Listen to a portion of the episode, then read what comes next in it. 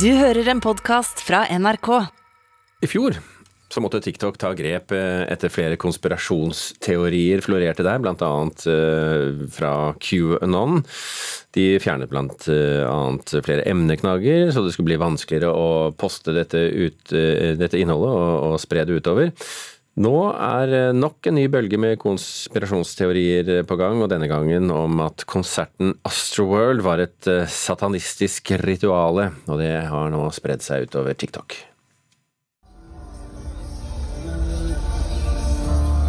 For fire uker siden døde ti personer på Astroworld, som er navnet på konserten til artisten Travis Scott. I get those goosebumps every time. I need the high. Går du inn på TikTok, finner du raskt flere populære snutter som forteller at dødsfallene var planlagt av artisten selv, som en del av et djevelsk rituale. Disse videoene har spredd seg til millioner av unge. Dette er oppsiktsvekkende, og mange vil tenke oi, dette var jo helt sprøtt. Medieviter Magnus Hoem Iversen, med en doktorgrad i politisk retorikk, sier det er to faktorer som gjør at slike videoer spres. Spenning og lavterskelen for å dele. Og så er terskelen så lav for å dele videre at mange gjør det. Og så tenker man ikke nødvendigvis over hva man egentlig da bidrar til.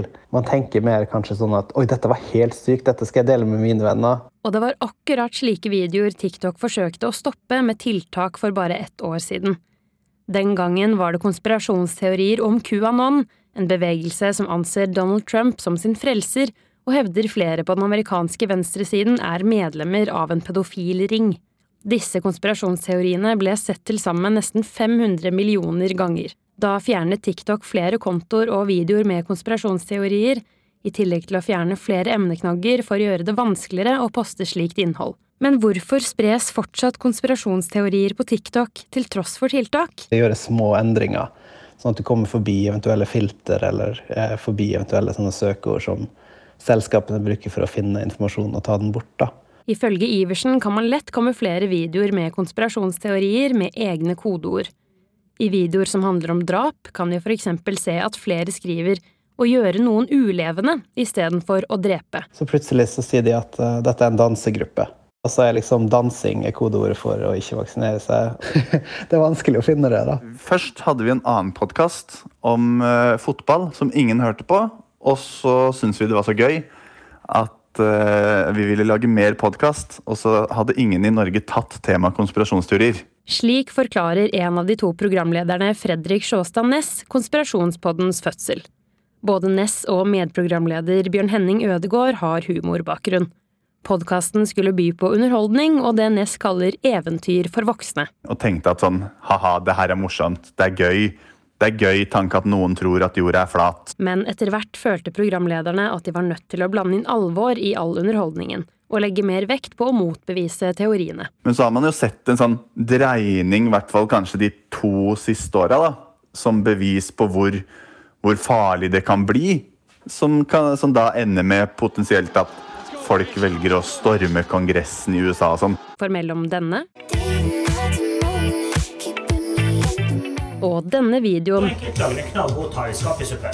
Til smør i gryte. har du kanskje fått opp videoer av det litt mer gufne slaget på TikTok. Du trenger ikke være spesielt interessert i konspirasjonsteorier eller oppsøke det selv for å få det opp i TikTok-feeden din. Hvis noe eh, er oppsiktsvekkende og spektakulært nok, da, så vil jo folk se det, og så vil algoritmen på en måte premiere det da, og løfte det inn i andre sine strømmer også. Algoritmen skjønner jo ikke at dette er en konspirasjonsteori, den ser jo bare at oi, dette her engasjerer folk veldig.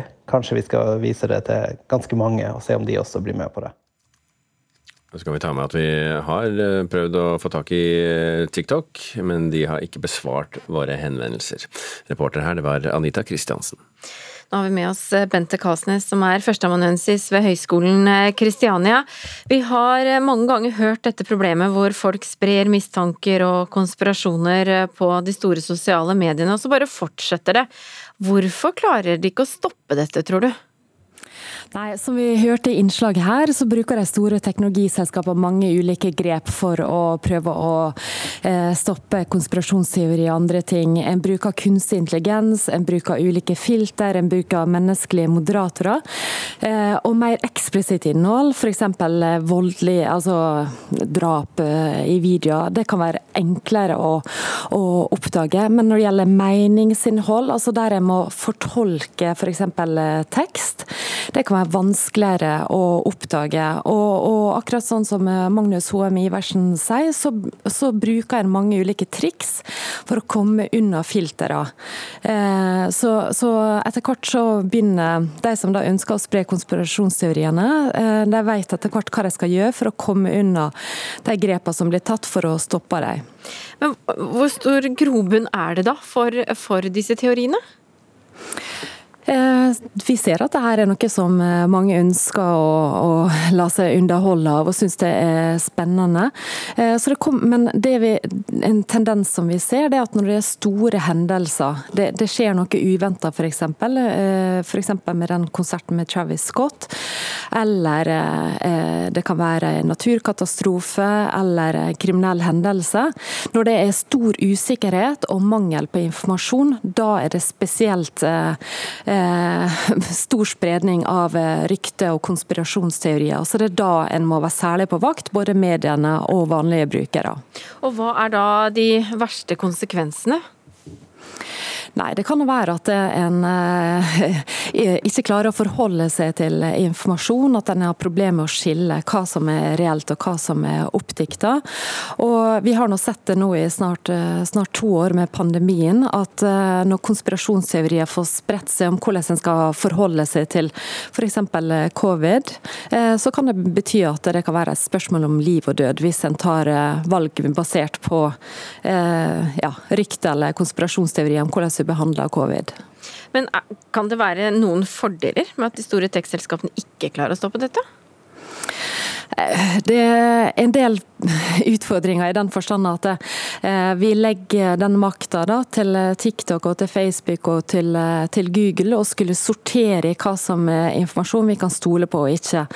Og et annet problem med det, det er at vi ikke får innsikt i hvordan jeg driver den type filtrering og moderering og fjerning av innhold.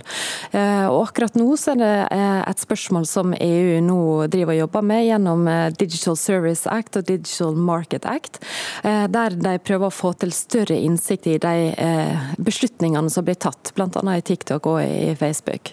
Men hva kan vi sjøl gjøre, da?